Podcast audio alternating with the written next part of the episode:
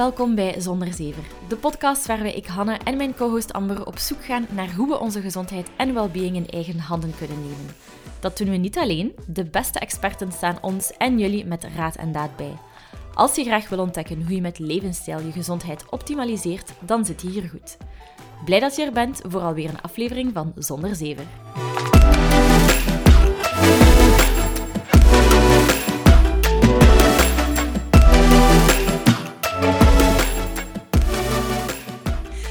Beginnen aan de aflevering van vandaag, zijn we super blij om een nieuwe partner aan jullie voor te stellen.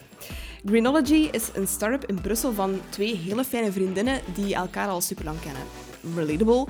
En wij hebben enkele maanden geleden met hen afgesproken om te kijken of er een match is. En die was er. En uh, ja, wat doet Greenology? Wacht, wacht, wacht. Ik ga het erom een roffel doen. Oké. Oké, okay. zij doen eco-responsible skin en hair care. Iets wat wij zot top vinden. Ja, ze maken de producten met een heel team aan wetenschappers en ze hebben ondertussen wel echt een indrukwekkend gamma ontwikkeld die goed is voor ons en voor de planeet. Ze hebben deo's, shampoo, zeep, enfin echt alles wat je nodig hebt.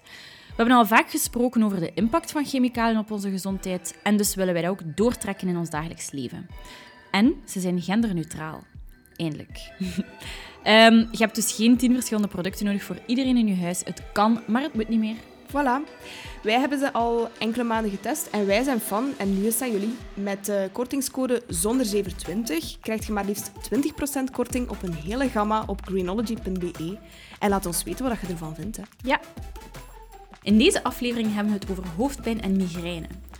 Vandaag zullen we proberen om alles over hoofdpijn en migraine te weten te komen, in de mate van het mogelijke natuurlijk. Want bijna iedereen van ons heeft er last van, soms maandelijks, wekelijks en anderen zelfs dagelijks. Het beïnvloedt ons dagelijks leven enorm en is zowel fysiek als mentaal extreem zwaar. We gaan zoeken achter de oorzaken van hoofdpijn en migraine, wat je kan doen om het te verlichten of zelf tegen te gaan. Persoonlijk heeft Amber extreem veel last van spanningshoofdpijn en mijn zus Khadija heeft al zes jaar wekelijks last van migraine. We weten dus alle twee hoe zwaar migraine een leven kan beïnvloeden. We hopen oprecht dat jullie veel uit deze aflevering kunnen halen om het lijden wat te verlichten. Er zitten deze keer twee gasten achter onze micro. Anneke en Aniek zijn neurologes en schreven samen met hun collega Adinda het boek Migraine, alles wat je moet weten. En dat gaan we vandaag doen. Hallo, dag Aniek, dag Hallo, Anneke. Hallo.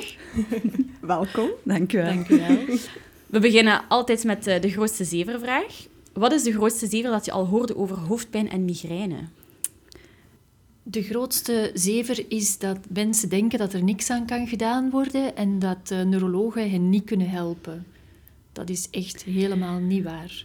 Ja, ik wou eigenlijk hetzelfde zeggen, in de zin van uh, je moet ermee leren leven. Dat vind ik een Mm. absolute dooddoener. En er zijn toch nog heel veel dokters en, en, en ik denk ook nog neurologen die dat aan hun patiënten zeggen. Dat is toch echt heel, heel zelden dat je moet zeggen van hier stopt het, hier weten we niet meer wat we moeten doen. Ik ben zo blij dat jullie dat zeggen. Ja, want inderdaad, dat is soms wel het idee. Um, dat er migraine, alleen, zeker een migraine, dat er... Ja, zo ja, ja, ja je hebt dat Ja, of hoort heel en- vaak, ja, we, we weten het allemaal nog niet zo goed, dus ja, Mhm. je zult er wel mee moeten leren leven, inderdaad. Ja, Ja, wat ook helemaal niet waar is, is dat de oorzaak bij jezelf ligt. En dat je maar moet uitzoeken ehm, op welke manier dat je die oorzaken kunt wegnemen.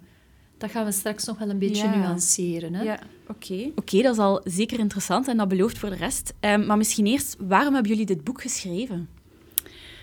Eigenlijk omdat we heel veel patiënten zien die heel lang al zelf op zoek zijn naar, naar uh, vaak alternatieve therapieën, vaak dingen die, die veel geld kosten, die, uh, maar die eigenlijk verkeerd uitdraaien en die dan eigenlijk helemaal uh, ja, op, op, wanhopelijk uh, op zoek zijn naar, naar hulp. Mm-hmm. Um, en ook omdat we merkten dat er heel wat um, onwaarheden, misvattingen circuleren die dat we eigenlijk voor goed de wereld uit wouden helpen. Ja. En misschien, wat is het verschil tussen ja. gewone hoofdpijn, spanningshoofdpijn en migraine? Ja, wat, wat kwalificeert er dan als migraine, zo gezegd? Ja, dus gewone hoofdpijn, dat is eigenlijk meer gewoon beschrijving van, van pijn die mensen ervaren. Het zegt eigenlijk niks over de oorzaak. Spanningshoofdpijn en migraine zijn echt ziektebeelden, waarbij mm -hmm, dat de ja. hoofdpijn het ziektebeeld op zich is. En de verschillen in kenmerken van de hoofdpijn, duur, hevigheid, invloed op je functioneren, dat bepaalt Ja. eigenlijk vooral verschillen tussen spanningshoofdpijn en migraine. Maar er is eigenlijk heel veel overlap in de praktijk. Er wordt Ja. ook vaak gezegd dat mensen met migraine gemakkelijker spanningshoofdpijn hebben en vice versa. Maar Anneke, ik denk dat jij dat ook kunt beamen. Mensen die eh, veel met hoofdpijn bezig zijn, merken dat eigenlijk de meeste hoofdpijnen bij de neuroloog toch eerder migraines zijn Hmm. en niet zozeer spanningshoofdpijnen. Eigenlijk een, een spanningshoofdpijn is een hoofdpijntje en je gaat een keer buiten en, en je wandelt wat rond en dat is voorbij. En je moet er niks voor laten, je moet daar niet voor thuis blijven van een feestje, je moet daar niet voor gaan slapen. Je hebt daar zelfs geen pijnstilling voor nodig.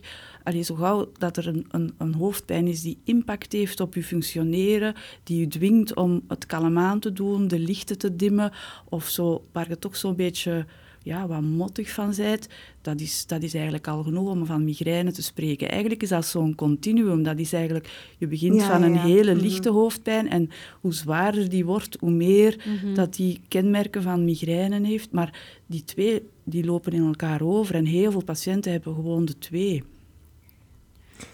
Oké, interesting. Eh, hebben, hebben veel mensen dan eigenlijk migraine? Want Zonder dat ze het weten misschien. Ja. Absoluut. Ja? Mhm. Het lichaam van iemand met migraine is heel gevoelig voor alles wat er afwijkt van de norm, alles wat er verandering veroorzaakt. En hormonen, ja, dat eh, schommelt. ja, Maandelijks, heel je leven voilà, lang. en je cyclus. Ja. Ja. Wat, wat valt er, sorry dat ik je onderbreek, nee. maar wat valt er dan nog allemaal onder verandering? Is dat dan verandering in prikkels of zo bijvoorbeeld ook? Of uw slaappatroon. Uitslapen in het weekend kan aanvallen uitlokken of een paar korte nachten tijdens de week, maaltijden eh, overslaan. Mhm. Ja, ja inderdaad, maaltijden. Hè. Dus ah, later eten dan gewoonlijk kan al genoeg zijn om, om hoofdpijn te krijgen. Hè. Ja. Wauw, oké. Ja. Ik, ik herken wel een aantal dingen, dus misschien moet ik inderdaad eens op consult komen. Eh, ik had, want eigenlijk, eh lichte dak moet timmen. Eh, maar voor mij het stereotype beeld van migraine was iemand die zodanig misselijk wordt dat hij echt moet gaan liggen in een donkere kamer. Ja, oké, dus dat is al Oké, duidelijk. ja. Ehm, misschien moeten we even van in het begin... Ja, misschien moeten we even gewoon een keer terug naar het begin. Ehm, hoe werkt migraine? Wat gebeurt er eigenlijk in ons hoofd en ons lichaam als we een aanval hebben? Ja, ehm, wat een beetje teleurstellend is, is dat we heel veel weten, maar om nu heel mooi van A tot Z uit te leggen van eerst begint dit en dan Mm, dat, dat is mm. eigenlijk wel echt heel moeilijk. Ehm, we weten dus inderdaad dat het start in de, in de hersenstam en dat is eigenlijk een centrum dat ook wel belangrijk is voor het regelen van ritmes, het ervaren van ritmes in het lichaam. Dus dat is zeker heel cruciaal. En dan inderdaad wordt heel dat systeem ehm, geactiveerd dat uiteindelijk de pijn gaat veroorzaken. En dat is eigenlijk te vergelijken met een soort van ontstekingsreactie. Want de pijn die je voelt bij migraine eh, ontstaat op dezelfde manier als pijn die je voelt bij een hersenbloeding of bij een hersenvliesontsteking. Dat is gewoon één gemeenschappelijk mechanisme. Alleen wordt het bij mensen met migraine ten onrechte actief. En dat Ja, is eigenlijk ja. geregeld ja, vanuit dat centrum in de hersenstam. Maar soms is het ook niet helemaal duidelijk waarom dat het juist dan ontstaat. En ook dat is een realiteit voor mensen met migraine, dat ze dat nooit helemaal gaan kunnen Mhm, mhm. doorhebben waarom dat ze op een bepaald ogenblik aanvallen doen. Ja. Ja, dat is het moeilijke, hè, dat onvoorspelbare. Mhm. Je kan, Ja, je kan ja, wel klopt. aangeven van dat zijn de meest voorkomende triggers. En ja, slaap genoeg, drink genoeg water, hè, niet te veel koffie, die zaken allemaal. Maar, maar soms gaat het een keer komen zonder dat je, ja, dat je denkt, van, ik ben nu toch relaxed en, ik heb nu, Ja. hè, en dat, het, Mhm. dat het toch komt. Hè. Dus eh, Ja. dat is wat dat eh, heel vervelend maakt. Ja. Ehm, migraine heeft ook vaak een aura. Kunnen jullie dat eens uitleggen? Hoe werkt dat? Het aura ontstaat eigenlijk doordat in de buitenste laag van de grote hersenen, we noemen dat de hersenschors, er heel plots een eh, overactiviteit optreedt. Al die eh, cellen gaan heel actief worden en nadien worden die veel minder actief, zitten die in een soort van rustfase. En dat merk je ook aan wat dat mensen beschrijven. Eerst zien ze lichtflitsen, gekleurde bollen en dan nadien zien ze eigenlijk veel minder goed. Ehm, dat is niet alleen iets dat mensen zien, maar dat kan ook over gevoel gaan of het kan ook gaan over het minder goed kunnen vinden van woorden of gewoon blokkeren in je gedachten, niet meer helder kunnen nadenken. En men denkt eigenlijk dat dat wordt getriggerd door die motor uit, eh, in de hersenstam. Ehm, maar hoe die link dan juist wordt gelegd met het ontstaan van de pijn, daar zijn heel veel interessante theorieën over. Maar dat is op dit ogenblik nog niet 100% duidelijk. Ja, oké. Maar dat aura, ben niet volledig mee met wat dat is. Dat is een bepaalde sensatie dat je dan hebt of zo. Ja. Dat je zegt van Ja, blokkeren. dat zijn echt en- neurologische veranderingen. Dus mensen Ja. merken dan plots dat ze dingen zien die er eigenlijk niet zijn. Dat ze extra fenomenen waarnemen. Ehm, en dat kunnen lichtflitsen zijn, maar dat kunnen ook heel ehm, bizarre ervaringen zijn. Er zijn heel veel kunstenaars die dat die aura's verwerken in hun kunstwerken. Daar bestaan Mhm. hele mooie voorbeelden van. Maar het kan ook zijn dat mensen gewoon ineens niet meer kunnen praten of niet meer de juiste woorden vinden. Of dat ze in een meeting zitten en eigenlijk niet goed kunnen reageren of, of daar zo'n beetje bij zitten zonder echt eh, interactie te vertonen. Dus dat kunnen allemaal aura-fenomenen zijn. en dat gebeurt dan voordat je hoofdpijn krijgt. Ja, Ah, ja. ja, ah, dat is het- voor... Ja, ja, ah, dat is ja, oh. ja. ja. Want het Ah. begint eigenlijk nog vroeger eigenlijk in een, in een prodromale fase, dat de mensen eigenlijk al voelen dat er iets op komst is en dat ze zo wat, wat moe worden, wat beginnen geeuwen Mhm. en soms een enorme craving hebben voor chocolade of chips of zo. Hè. En, en, en, dan, en dan komt eventueel die aura, maar dat is eigenlijk zeker niet bij iedereen. En dan komt de hoofdpijn en die kan ofwel heel snel omhoog gaan ofwel zo wat trager Mhm. opstarten. Zo, hè. Ja. Maar Ja. en sommige mensen die, die beseffen zelfs niet dat ze zo'n prodromale fase hebben. En als wij dat dan uitleggen, dan zeggen die, ah, zo. Hè? Ja. Ja. ja, exact. Ik ga er een keer op letten. Van wat dat er allemaal gebeurt. Kun je dat dan bijvoorbeeld bijhouden? Van, ik heb nu hoofdpijn, wat heb ik net daarvoor? Is dat dan minuten, uren? Eh, Dagen? Dat kan dagen zijn. Ja, hè. dat Ja, kan twee ah, dagen toch? op voorhand zijn. Ja, Ah, en dat kan heel subtiel zijn. Ja. Bijvoorbeeld heel veel moeten gaan plassen. Of Ja. ja. ja, u al wat misselijk voelen of twijfelen, ben ik nu eigenlijk misselijk of heb ik nu eigenlijk honger? Honger. U dan volproppen met alles wat in de koelkast ligt. En dan nadien die hoofdpijn krijgen. Of ook zo, soms zo kou krijgen, terwijl het niet koud is. Dat je zegt van, allee, waarom heb ik hier nu kou? Allee, zo die, die warmteregeling. Oké. Dat is ook de hypothalamus die daar, die daar een rol in speelt. Hè? Dat, dat is zo een, vers, zo een zodanig verscheiden... Pat, allee, ehm, hoe moet ik dat zeggen? Array van, van, van, van dingen eigenlijk. Het is niet dat je zegt van, het is enkel de hoofdpijn. Absoluut niet. Ja. Ja. En daarom is die diagnose ook niet altijd even gemakkelijk. Dat is bij tien mensen met migraine ook helemaal niet hetzelfde. En bij dezelfde persoon kan dat ook allemaal anders verlopen, een beetje in functie van de leeftijd of tijdstip van de maand. Ook al. Ja. En kan het dan zijn dat, dat... Want ik heb bijvoorbeeld heel veel spanning op mijn schouders en zo. En in mijn nek. Ik voel dat wel. Ik voel ook heel vaak zo die pijn helemaal... Ja, ik ben er nu aan het uitbeelden, maar mensen allez, zien dat natuurlijk niet. Maar helemaal tot aan mijn voorhoofd. Het is precies of dat er zo'n rekker in zit of zo. En ik dacht toen altijd van, ja, dat is spanningshoofdpijn. En kan dat samengaan? Absoluut. Eigenlijk, eh, dat is een van de misvattingen die we Ja. in ons boek ook eh, aangeven. Ja. Eh, heel vaak als mensen nekpijn hebben, wordt dat direct onder de categorie spanningstype hoofdpijn gestoken. Hè? Terwijl eigenlijk die, dat activeren van, van die trigeminus en de bovenste nekzenuwen gebeurt vaak samen. En eigenlijk in uw hersenen, die denken, ah, er is iets met de nek, want we voelen pijn vandaar komen. Die gaan eigenlijk denken, ah, er is een whiplash of zo, we gaan die spieren aanspannen. En dus die spieren gaan ook echt aanspannen, maar eigenlijk door dat mechanisme dat begonnen is in de hersenstam. En niet per se iets in de nek zelf. Nee, 75% Oké. van de mensen met migraine heeft heel veel nekpijnen. Hè? Ja. Tijdens de aanvallen, tussen de aanvallen door, bij het begin van de aanval of voor de aanval, of nog vooral in die uitloopfase. En is dat dan...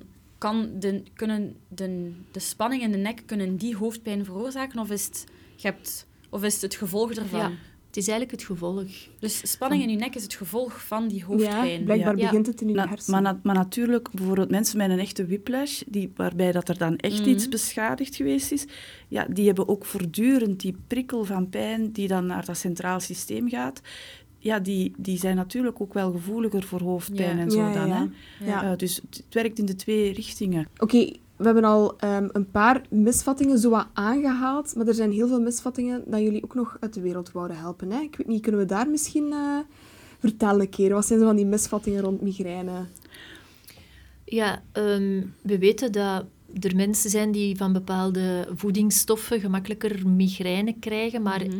in de wetenschap is daar eigenlijk nog niet zo heel veel bewijs over geleverd.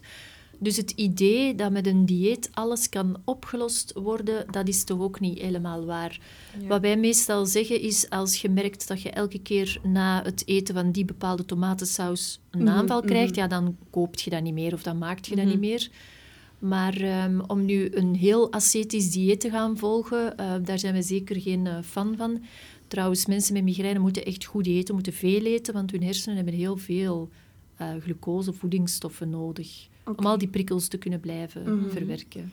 Ja. Oké. Natuurlijk, er zijn zo dingen die de meeste migrainepatiënten wel aangeven als trigger. Hè? Bijvoorbeeld een glas rode wijn of een glas cava. Ehm, waar ik Mhm. zelf wel heel streng op ben, is zo het overgebruik van, van cola en koffie, zo elke dag. Dat is, en zeker met tinnitus bijvoorbeeld, Ja? eh, gaat dat, ja, dat, gaat, dat gaat helpen als je daar streng op bent. Als je maximum drie dagen de week cafeïne drinkt. Allee, ben ik zelf nogal streng op, omdat ik daar echt al enorm veel verbetering mee gezien heb als je daar kunt op letten. Ook omdat dat toch onbewust je slaap verstoort. En slaap is ook een heel belangrijke, dus dat is zo'n beetje een, eh, een, een cascade soms met, met cafeïne. Zoals Aniek zegt, het is eigenlijk allemaal zo nog niet bewezen. Want het moeilijke is natuurlijk, als ze dan mensen als het ware een maagzonde geven en ze geven bijvoorbeeld chocolade, hè, en dan bij de die lokt dat uit en bij de die lokt dat niet uit, Mm. en, dan, en dan zeggen ze, ah ja, chocolade, dat is niet bewezen. Natuurlijk, als jij juist rond je maandzonde zit, je hebt niet geslapen, je hebt heel veel koffie gedronken en je komt daar nog eens chocolade bij, heb je misschien wel de aanval. En degene die goed uitgeslapen is, eh, Ja, in ja, vakantie, heeft het dan niet. Dus je kunt het ook heel moeilijk Mhm, bewijzen mhm. dat het, Ja, dat je het kunt het bijna spelen. niet testen, want je moet met zoveel factoren rekening Ja, houden, ja, ja, behalve de voeding, dat dat onbegonnen is. Ja. dus eigenlijk is, zou het een goed idee zijn om gewoon te kijken van wat lokt eigenlijk iets uit. Dus bijvoorbeeld een dagboek of zo bijhouden. Mhm. Zodat je weet van, ik heb nu dit gedaan of ik heb nu dit gegeten of ik heb dit uit blik. Of... En dat je dan kijkt van... Maar wat je er natuurlijk voor moet oppassen, is dat bijvoorbeeld als je dan eh, groene kool eet, en het is altijd dan, maar misschien eet jij groene kool altijd op zaterdag en ga je dan ook nog eens een glas wijn drinken ja, s'avonds. ja, ja, ja. Je moet echt heel hard oppassen Mhm. met associaties die er geen zijn. ja, ja, ja. En dat je dan ja. gezonde dingen gaat uitschakelen Ja, nee, nee, nee. die, die eigenlijk niet, no- die nodig Mhm. waren. Hè? Ja, ja, ja, ja, maar ja, ik denk zo echt, allee, geen maaltijden overslaan, eh, kleine porties, gevarieerd en, en geen enkele categorie echt helemaal uitsluiten, maar met niks overdrijven, zal Ja. ik zeggen. Ja. Mhm, Ja. mhm. Oké. Zijn er zo nog van die misvattingen waar dat mensen best eens bij stilstaan? Het effect van hormonen is ook heel individueel. Er zijn vrouwen die bijvoorbeeld door het Ja. nemen van een pil heel veel migraine Mhm, krijgen. Er zijn mhm. er anderen die dat minder krijgen, hoewel dat, dat toch een minderheid van de mensen is. Maar daar zijn zo heel moeilijk uitspraken voor heel de groep eh, vrouwelijke patiënten over te doen. Dus daar zijn wij ook altijd heel voorzichtig in. En dat moet echt heel, heel goed bij elke persoon Mhm. worden nagegaan of dat, dat eigenlijk wel voordelen oplevert om hormonale therapieën te gebruiken. Ja, want ik had ook gelezen, ehm, dus als je de pil neemt, dat staat in de bijsluiter, dat mensen die migraine hebben, dat die meer kans hebben op... Het was niet epilepsie, het was... eh. Trombose, ja, ja. klontervorming. Iets wat dat de gynaecoloog nooit gezegd heeft. en als ik dat las, was ik echt even in shock, want ik dacht, wow. Natuurlijk, dat blijft ook een hele, hele kleine kans. Bij een gezonde jonge vrouw is dat sowieso heel, heel laag. Maar bijvoorbeeld iemand met migraine met aura, die ook nog eens rookt, die, Ja. dat risico Mhm. eh, vergroot met, ik geloof wel 30 procent. Of, eh, dus Ja, ja, allee, oké. natuurlijk, dat gaat over hele kleine kansen Mhm. die dan net een beetje groter worden. Maar toch, allee, zeker bij mensen met eh, migraine met aura, geven we toch niet graag de pil eigenlijk. Nee, daar raden we toch wel af. En het, het roken, uiteraard, daar raden we ook af. Maar het is inderdaad vooral in een leeftijdscategorie tussen de 30 en de 40. Oké, dat risico is niet groot, maar het is wel potentieel vermijdbaar. Hè? Dus Mhm, mhm. daar zien we niet graag zo'n fenomenen optreden. Ja, bij niemand trouwens, maar Nee, nee. als we daar iets kunnen doen om het te vermijden, Ja. dan doen we het zeker. nog zo'n misvatting, maar dat is een hele andere hoek, is zo bijvoorbeeld het, eh, ja, dat heel veel mensen denken dat ze gevoelig zijn aan sinusitis. Hè? En Mhm. omdat eigenlijk, Ja. eh, eh, maar dat dat eigenlijk ook migraine is vaak. Hè? Dus dat die eigenlijk een wat zwelling krijgen van hun neusslijmvlies en, en, en een pijn die zich in hun, van voor in hun gezicht situeert. Ehm, een pijn die zo wat toeneemt als je voorover bukt.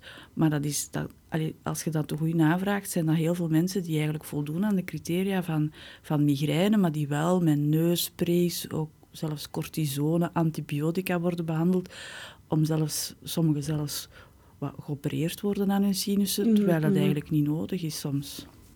Ja, absoluut. Ja, heel veel mensen eh, hebben ook die diagnose chronische sinusitis, hè, die eh, heel veel migraine Mhm. hebben. Wat ik mij dan afvraag, van, zien jullie de laatste jaren meer gevallen van migraine? Of is het dan... Ik ben een beetje aan het doelen op van eh, mensen die... het moet altijd maar steeds sneller, sneller, sneller. We moeten allemaal meer en meer en meer werken. Ik heb ook al in de situatie gezeten... Je zit zo aan het kijken naar Ik me. ben mij aan het afvragen wat dat Ja, nee, ik heb ook al in een situatie gezeten waarin dat ik dagen na, na één... st- Allee, even op, opnieuw. Dat ik dagen aan, aan een stuk ehm dat valgan van een gram neem, soms meerdere keren per dag, omdat ik anders niet mee kan op mijn werk. Ja. Zien jullie dat ook vaak? Ja, ik denk dat wij meer en meer mensen met migraine zien, om, omdat die terecht ook worden doorgestuurd naar ons. Ehm, en ik denk dat dat ook belangrijk is. Ehm, maar dat is een verhaal dat wij veel tegenkomen. Mhm. Mensen die zo onder die prestatiedruk gebukt gaan, dat ze toch maar die pijnstiller nemen. Ja. Want als ze zouden kunnen kiezen, zouden ze liever thuis blijven, een Ja, beetje rusten. absoluut. Niet per se die dafalgan nemen, omdat die dafalgan, ja, kan dan ook weer andere eh, klachten geven. Dus dat zien wij wel. Ja. En, en de vraag is zelfs een beetje of dat niet, een be- niet in zekere zin een beschavingsziekte ook Ja, is, 100%. omdat het leven Ja. complexer wordt, de druk wordt groot, Mhm. er zijn heel veel prikkels. Dus ja, Ja, ja, ik ben ja. benieuwd naar de toekomst. Ik denk dat dat toch wel wat gaat toenemen en niet alleen door betere diagnoses. Ja, en wat ik ook vind, eh, het is echt wel, vele bedrijven zijn echt heel hard voor hun, voor hun eh, werknemers. Allee, bijvoorbeeld, ik had vanmorgen nog een, een verpleegkundige, ja, die hebben zo een wisselende uren. En, Ja, ja, en die ja, zitten met zo ja, weinig mensen, dus ze moet heel wisselende uren presteren. Ook al hebben we dan zo, al zoveel keren gezegd van een vaste shift zou ideaal zijn voor u. Maar die, die vrouw zoekt een ander werk, want het is eigenlijk dat shiftwerk dat daar, dat daar migraine enorm slecht beïnvloedt. En, Mhm. en er is nog zo weinig begrip op de, op de werkvloer en de arbeidsgeneesheren. Allee, hoeveel brieven dat ik niet moet schrijven om, om dat gewoon Ja. te vragen, dat is echt... eh, Dus een brief laten schrijven om zo van, hé, mijn, mijn patiënt heeft last van migraine, dus als ze daar aanvallen van krijgt, hij of zij, dan moet ze thuis blijven. Zo van die brieven bedoelt u? Ja, of vragen voor aanpassing van het wer- werkschema. Ja. Ja. Dat is soms Amai. echt wel nodig hè, om mensen uit zo'n negatieve spiraal te halen. Ja, of zo, na- hè, dat, dat nachtwerk dat dan niet meer allee, moet, hè, dat, maakt al, dat maakt soms al een groot verschil. Mhm. Ja, Ja, het spijtige is dat je dat niet goed kunt zien aan de mensen dat ze migraine hebben. Dus op eh, Ja. de werkvloer wordt Ja, dat ja, altijd zo tuurlijk. argwanend bekeken.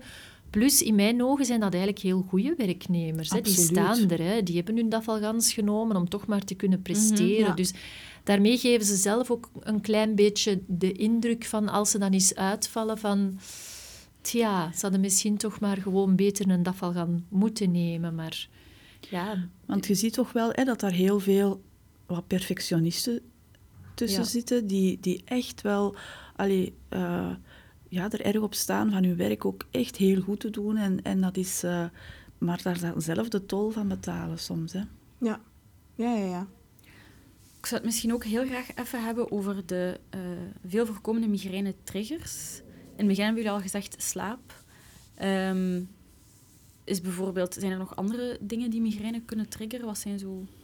ja, de meest voorkomende misschien? Eh, weersveranderingen kunnen ook heel gemakkelijk eh, triggeren. Ja. En Dus hoe? zo... Het weer dat snel omslaat, bijvoorbeeld van een lage naar een hoge drukzone gaan, of heel veel onweer in de lucht kan triggeren. We zien ook veel seizoensveranderingen.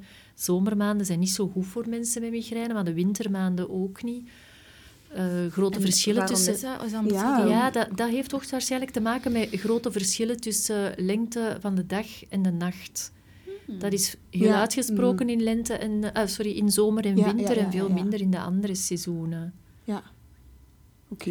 Natuurlijk, stress is een uitlokker, maar vaak niet op het moment van de stress. Maar zo eindelijk de stress loslaten, Ja. de weekendmigraine, het begin van de vakantie. Zo het, het loslaten van de stress Ja. is zo'n een, een, een belangrijke. Mhm.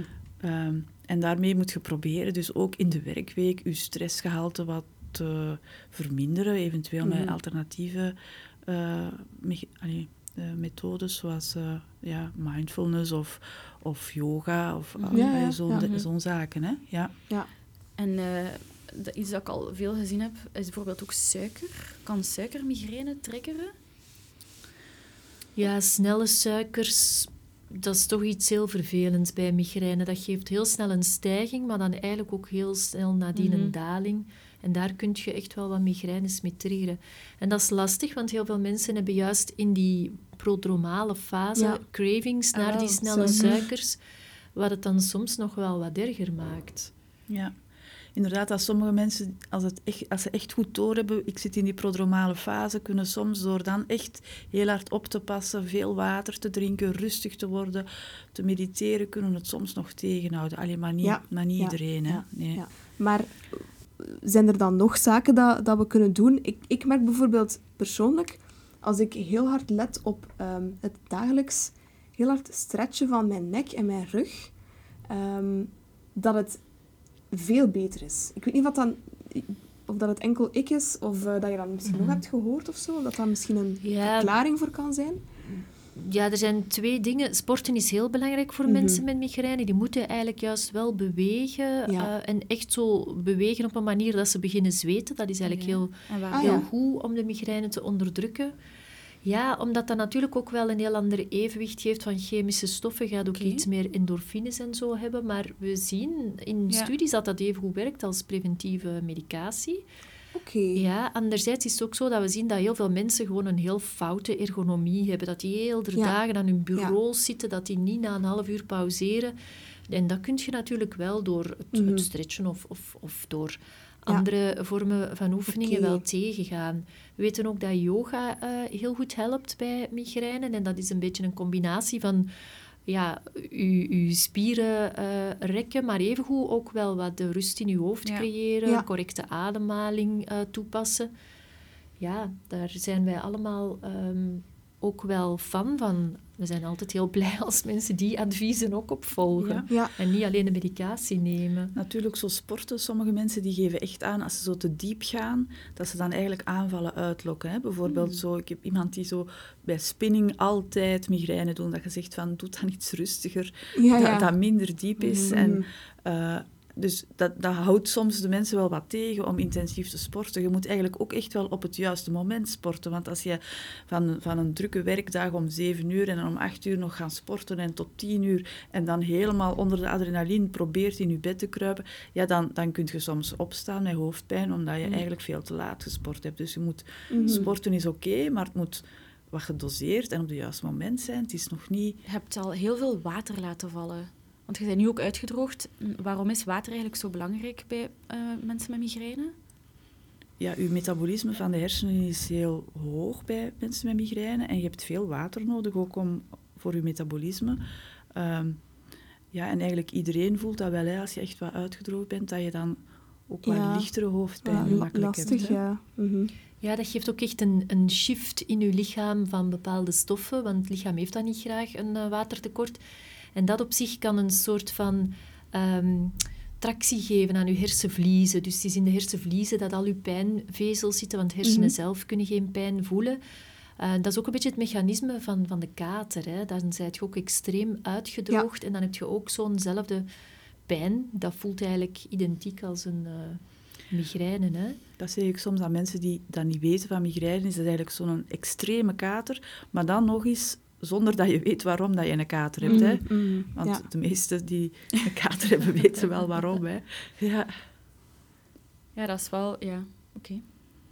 Oké.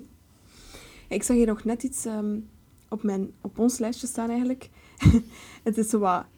Het is zeker alternatief, denk ik. Maar ehm, de, de, in de volksmond ehm, is het ook vaak zo dat er gedacht wordt... En ik ga zeggen gedacht wordt, Mhm. maar nuanceren.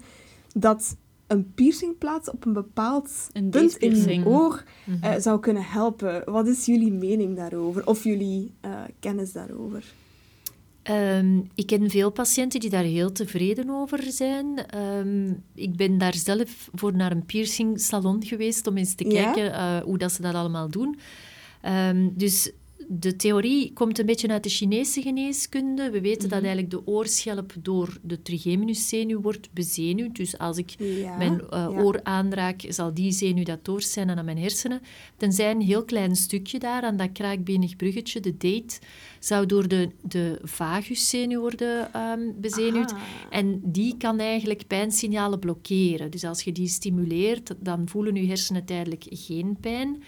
En als je die piercing heel correct plaatst, zou je eigenlijk continu die vagus kunnen stimuleren. Maar in de praktijk ehm, had, moeilijk, had de mij. daar toch niet echt eh, heel duidelijke kennis van waar dat het stukje trigeminus begon eh, en waar dat de vagus dan eh, zou Oké. moeten liggen. Maar ja, en het lijkt mij ook moeilijk, want ja, er is nog zoiets als ehm, een soort van gewenning. In het begin is dat, is dat pijnlijk, is dat Mhm, ontstoken, maar na verloop van tijd voelt je dat dan toch niet meer. Dus ehm, dat is de achterliggende theorie. Nu, we hebben dan nagekeken of daar veel studies over gebeurd zijn. Er zijn niet veel studies over gebeurd.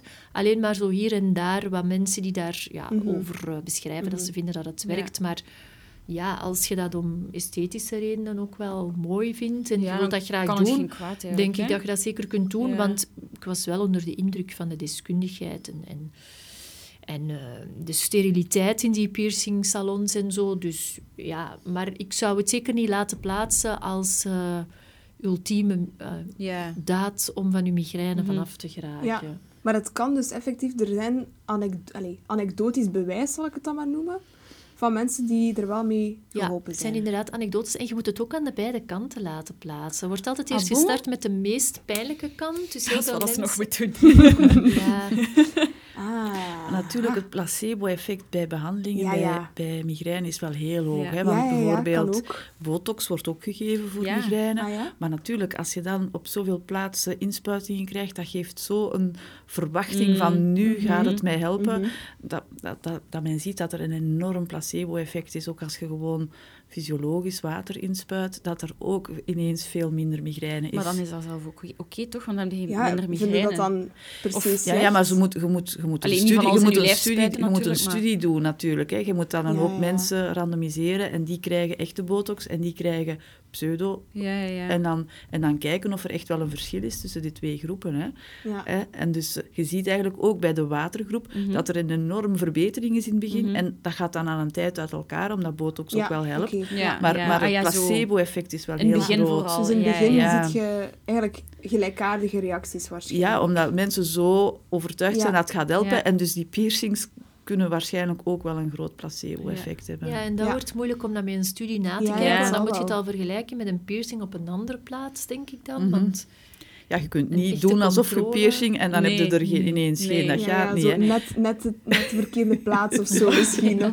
Ik ben gaan ontdekken, gat in de markt, stel dat het echt begint te helpen. Specialiseert u in eh juste nervus vagus eh, te kunnen piercen langs beide kanten.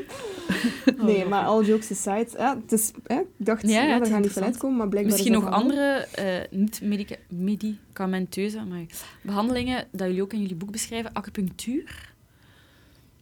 Dat is Kan een beetje van helpen? dezelfde... eh, ook zo die, die, die prikkels eh, geven op, op andere plaatsen om eigenlijk een beetje de, de pijnprikkel van de, van de trigeminus Mhm, wat, mhm. wat tegen te werken eigenlijk. Hè. Maar het is dan ook... Eigenlijk gaat het dan over de pijnbestrijding Mhm. ervan. Het is niet dat, gaat de dat oorzaak niet acupunctuur... wegpakken. Nee. allee, dat je zegt van Ja. acupunctuur brengt... Nee, het dat is zeker nog een, een groot eh, gemis om zo die inherente gevoeligheid, om daar iets aan te doen. Ja. Hè. Ja. Want dat zie je ook heel hard bij, bij mensen posttraum- met posttraumatische migraine. Die krijgen een intrinsieke enorme gevoeligheid voor prikkels, die, die helemaal niet zo goed reageert op, ook niet op die, op die nieuwere medicijnen. En allee, daar is men nog heel naarstig naar op zoek om die, die overgevoeligheid voor prikkels, om, om die Mhm. te kunnen kalmeren. En, want daar zijn eigenlijk nog niet zo echt veel medicijnen die dat kunnen. Ik heb nog een aantal eh, niet-medicamenteuze. Hm? IJs- en koude prikkels.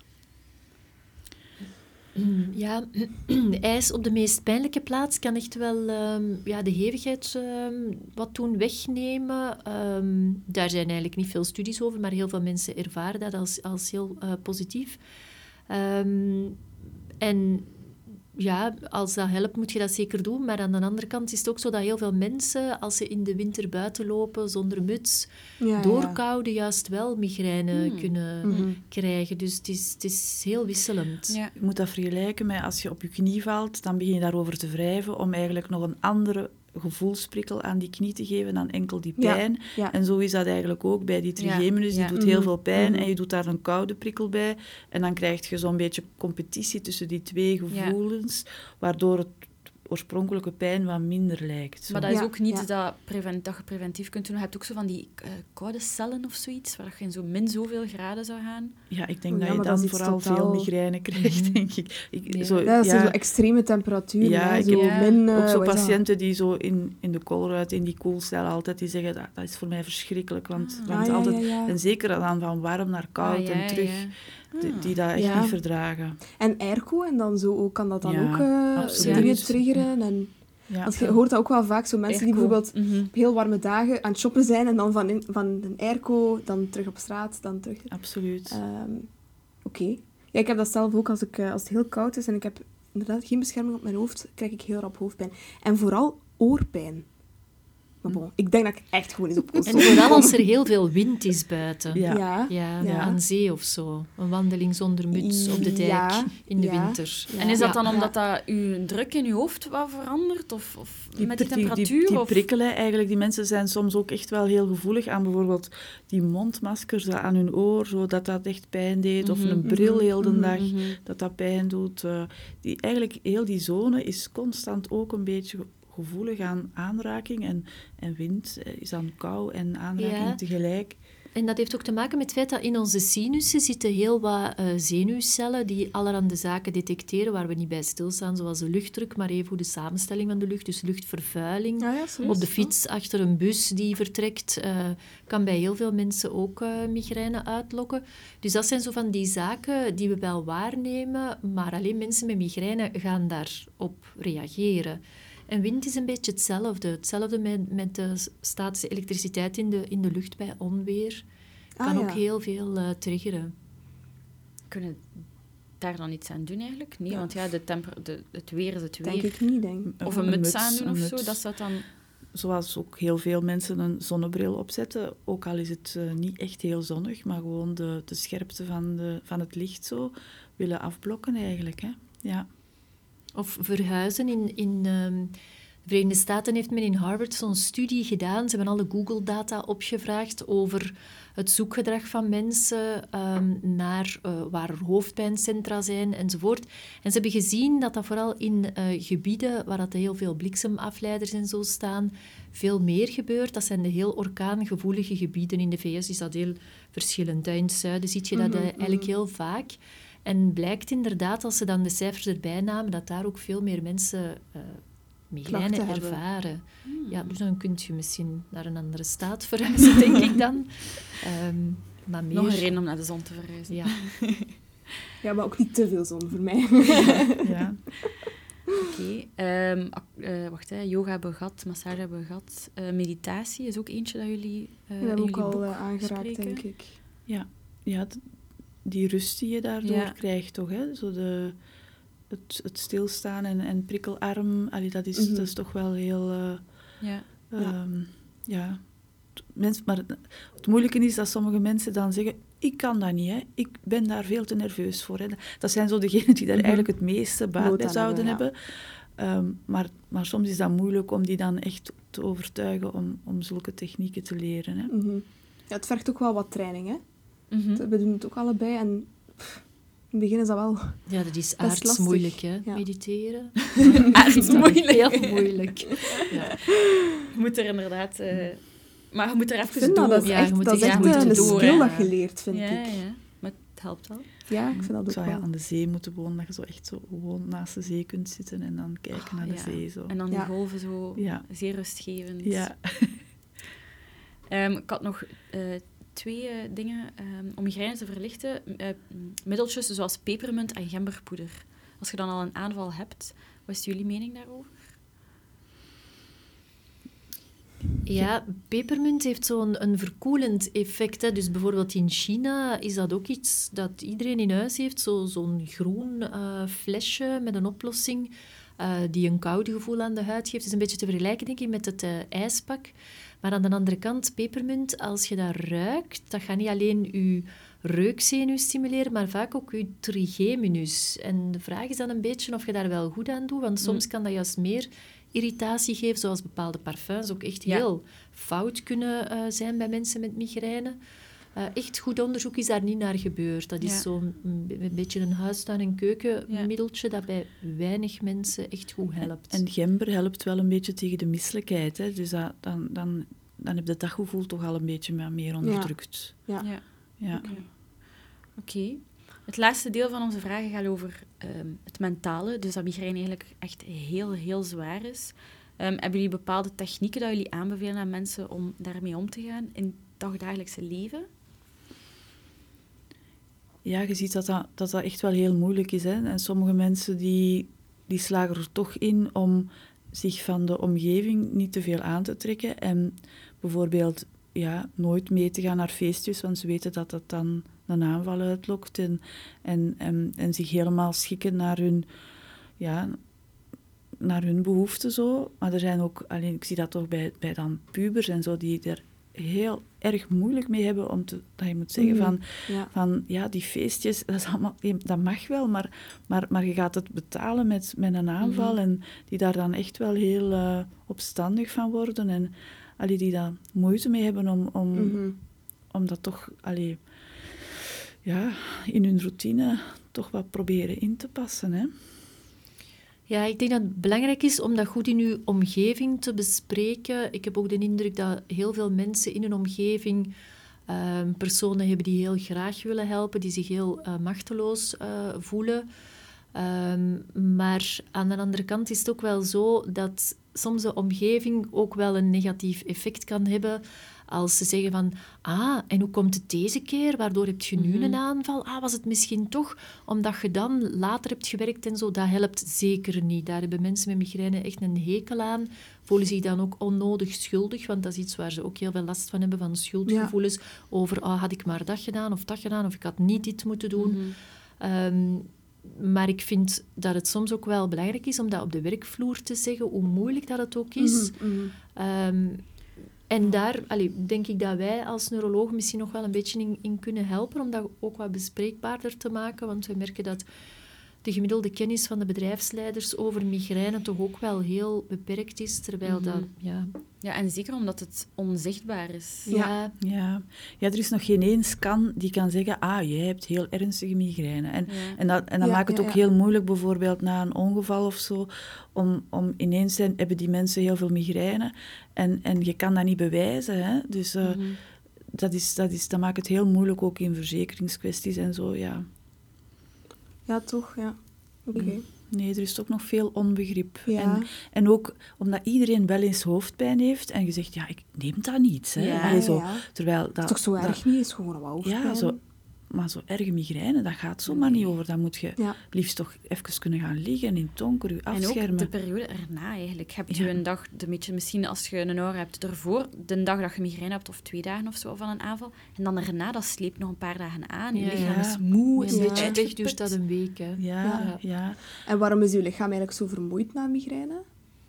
Omdat dat heel hard heeft moeten werken of zo? Of, of, of bepaalde dingen ja, dat is een heel interessante vraag. Ik denk dat dat de interessantste fase van de migraineaanval is. Als we dan zouden weten wat er juist wel uh, normaal begint te functioneren, dat we veel meer gaan te weten komen over waarom het initieel ontstaat. Dus mhm. eigenlijk is dat de fase waar het minste onderzoek over gebeurd is, terwijl dat, dat volgens mij de meeste oplossingen gaat bieden. Um, dat weten we eigenlijk niet. Daar kunnen we niet echt heel, heel ah, goed op antwoorden. Want dat is, dat is inderdaad ook wel, allee, ook cognitief en emotioneel geeft dat een enorm, heeft dat een enorme impact, zo'n aanval. Dat is niet zomaar, allee, ik blijf happy en hè, er, er kan mhm. ook een soort melancholie over die mhm. mensen vallen. Die, die echt ook heel storend is in uw, ja, in uw, in uw functioneren. Ja. Ja. want ik denk het mentale... Het is, een migraineaanval is sowieso extreem pijnlijk, maar de combinatie van dan dat fysieke en dat Mhm. mentale, Ja. Mhm. maakt Ja. het eigenlijk gewoon heel zwaar. En dat is eigenlijk het grote eh, verschil met eh, hoofdpijn in het algemeen. Hoofdpijn, dat is maar één aspect, maar migraine, dat is zoveel meer dan alleen die hoofdpijn. En dat kan niemand eigenlijk inschatten door gewoon te kijken naar iemand Mhm. met migraine. Nee. En, en het, zo, het onvoorspelbare maakt het ook heel moeilijk, omdat Ja. Mhm. je kunt niet zeggen, ik ga halftijds gaan werken, want je zult zien dat dan juist die dagen dat je dan wel gaat werken, dat het dan komt. Of, Mhm. allee, zo, ja, je kunt je ook niet professioneel of sociaal helemaal regelen naar je Nee. migraine. Hè? Nee, nee, nee. Nee. Nee, want Ja, als je nee. dan bijvoorbeeld, gelijk dat je zegt, die jongeren die dan naar feestjes willen, ja, allee, als je 16, 17 jaar bent en je kunt dat niet, dan, dan ja, mentaal is dat gewoon zo lastig. Mhm. Dus dat is wel begrijpelijk. Ik dacht wel nog aan iets over eh, ehm, een behandeling, toen jullie aan het praten waren. Ehm, bijvoorbeeld eh, vitamine en supplementen. Zouden die kunnen helpen? Er zijn wel wat studies geweest en er zijn een aantal eh, zaken waarvan dat we weten dat dat wel wat kan helpen, zoals eh, riboflavine, vitamine B2. Dat heeft Mhm. een ehm, preventief effect. Dat werkt niet zo heel goed als de, de andere klassieke geneesmiddelen, maar het heeft wel veel minder nevenwerkingen ook. En dan zijn er eh, supplementen zoals coenzyme Q10, magnesium, die ook wel kunnen helpen. Ik ken ook mensen die vinden dat ze op het moment van aanvallen veel beter zijn als ze wat magnesium hebben bijgenomen. Ja. Ehm, dus dat heeft zeker wel een plaats. Wat bewezen is, vertellen we ook aan de mensen. Wat we natuurlijk veel minder eh, aanmoedigen, zijn mensen die duizend en één supplementen hebben staan, die, die dikwijls ook heel duur zijn. Ja, ja. Ehm, waarvan misschien wel wat geweten is, maar waarvan we niet weten wat dat in combinatie met nog zoveel andere Ja. producten doet. ja. Ja. Maar op zich vind ik wel dat er, dat er best wel wat invalshoeken zijn om te kunnen ja, experimenteren met wat, wat zou er eventueel voor mij werken, wat verlicht het ja. eventueel. Mijn vraag zou gewoon zijn van stel dat iemand zoiets heeft van ah ja, ik herken mij precies in een van die dingen ehm, en ik zou eens willen proberen om iets te doen, cafeïne bijvoorbeeld, ik zeg nu maar iets. Mhm. Ehm, hoe lang moeten ze dat dan bijvoorbeeld een keer doen om dan te zien van oké, heeft het effect of niet? Ja, maar dat vind ik een moeilijke, want Ja. ik, leg het, ik leg het zo meestal uit aan de mensen van... Je hebt een kleine hoofdpijnemmer en, en als die overloopt heb je migraine. Hè? En in die emmer zit uw medicatiegebruik, zit uw cafeïnegebruik, zit uw stress, zit uw slaap, zit uw beweging. Eh, en als je daar maar één elementje uithaalt, tenzij dat je natuurlijk twee liter cola drinkt, hè, maar als je maar een stukje Mhm. eruit haalt, kan het zijn dat die emmer evenveel overloopt. Je moet eigenlijk echt alle puntjes aanpakken. En, Mhm. en kijken ook van, als die emmer elke dag overloopt, gaat de kans klein zijn dat het alleen van de cafeïne is. Hè. Dat, dan, dan, dan is het vaak een, ook een combinatie met toch wat preventieve medicatie die nodig Ja. is. Ja. Ehm, maar sowieso, allee, ja, inderdaad. Nu, cafeïne, als je daar dan plots mee stopt, doe je eerst ook een on- ontwenningshoofdpijn. En, dan, Yep. en dan pas na een week of twee kun je eigenlijk beginnen zeggen of het veel effect heeft of niet. Hè. Ja. Ja, maar good to know. Allee, Mhm. het is niet ja, zo, als je iets wilt ik doe proberen. dat vijf Allee, dagen en ik heb eigenlijk meer hoofdpijn dan verdien. Ik ga dat weer terug gaan doen, ja. ja, dat is normaal. Vijf Ja. dagen zet je er nog niet van af. Nee, oké.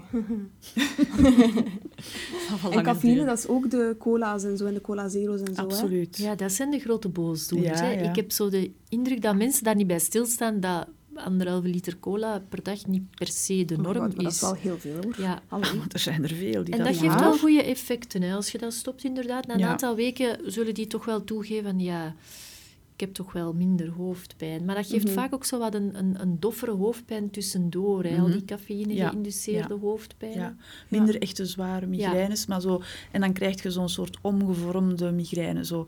En, dan, en dan krijg je veel gemakkelijker medicatie overgebruik, omdat de mensen niet goed weten, gaat dat nu een Mhm. migraine worden Ja, of niet? ja. En dan beginnen ze medicatie bij te nemen. En dan krijg je zo die combinatie van al die dingen. Ja. Ja, oké. Ja, Oké. Het kan een goede plaats om te starten zijn. Kijk Mhm. even naar mezelf heel hard. oké. Heb jij nog iets dat je wilt vragen? Ja, maar eh, het zal op consult zijn, denk ik. ik bel nog. We hebben altijd eh, de laatste vraag op de podcast. Ehm, en dat is een algemene vraag. En dat is zonder zever leven. Wat wil dat zeggen voor jullie?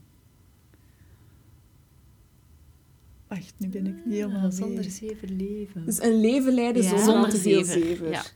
Dus los van de migraine, los Ja, van, ja, van uw beroep, wat is dat voor jullie?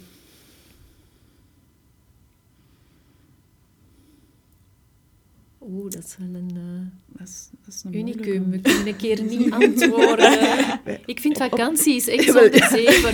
Doen waar dat je zin in hebt, geen vaste Ja, ik wou- planning. Ik wou zeggen, op congres gaan vind ik ook, Ook, altijd wel. ook. Ja, dat is ook een beetje vakantie Ja, dat is zo'n beetje Ja. vakantie. Dat is onder vriendinnen. Hè? Ja, En dan een beetje combi van eh, eh, cultuur. ja, cultuur, een beetje shoppen, eh, eten. eten ja. en een beetje, Een beetje genieten Ja, ja, ja, genieten, ja, ja. Genieten, doen wat je graag doet. En mensen Ja. opzoeken. Ja, Ja. toffe mensen tegenkomen. Ja, en spontaan leven, dat vind ik echt zonder Ja. zever. Geen drukke agenda die boven je hoofd hangt. eh, Gewoon Ja.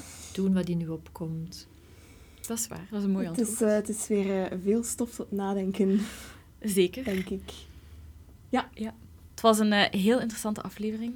Dank Ja, wel om tot hier te komen, om het allemaal gedaan. uit te leggen. En eh, ik hoop echt oprecht dat we heel veel mensen hiermee kunnen helpen. Of misschien ja, gewoon al wat tips hebben kunnen geven die ze misschien kunnen toepassen. Of... Ja, en als mensen getriggerd zijn, kunnen ze altijd het boek uitlenen, kopen. Ja, het boek heet Eh, Migraine, alles wat je moet weten. Van Ja. Adinda de Pauw, Anneke Govaerts en Aniek Verstappen. Voilà. Ja. Ehm, ja, en dikke merci om te luisteren iedereen. En we horen jullie in de volgende aflevering. Ciao! Bye!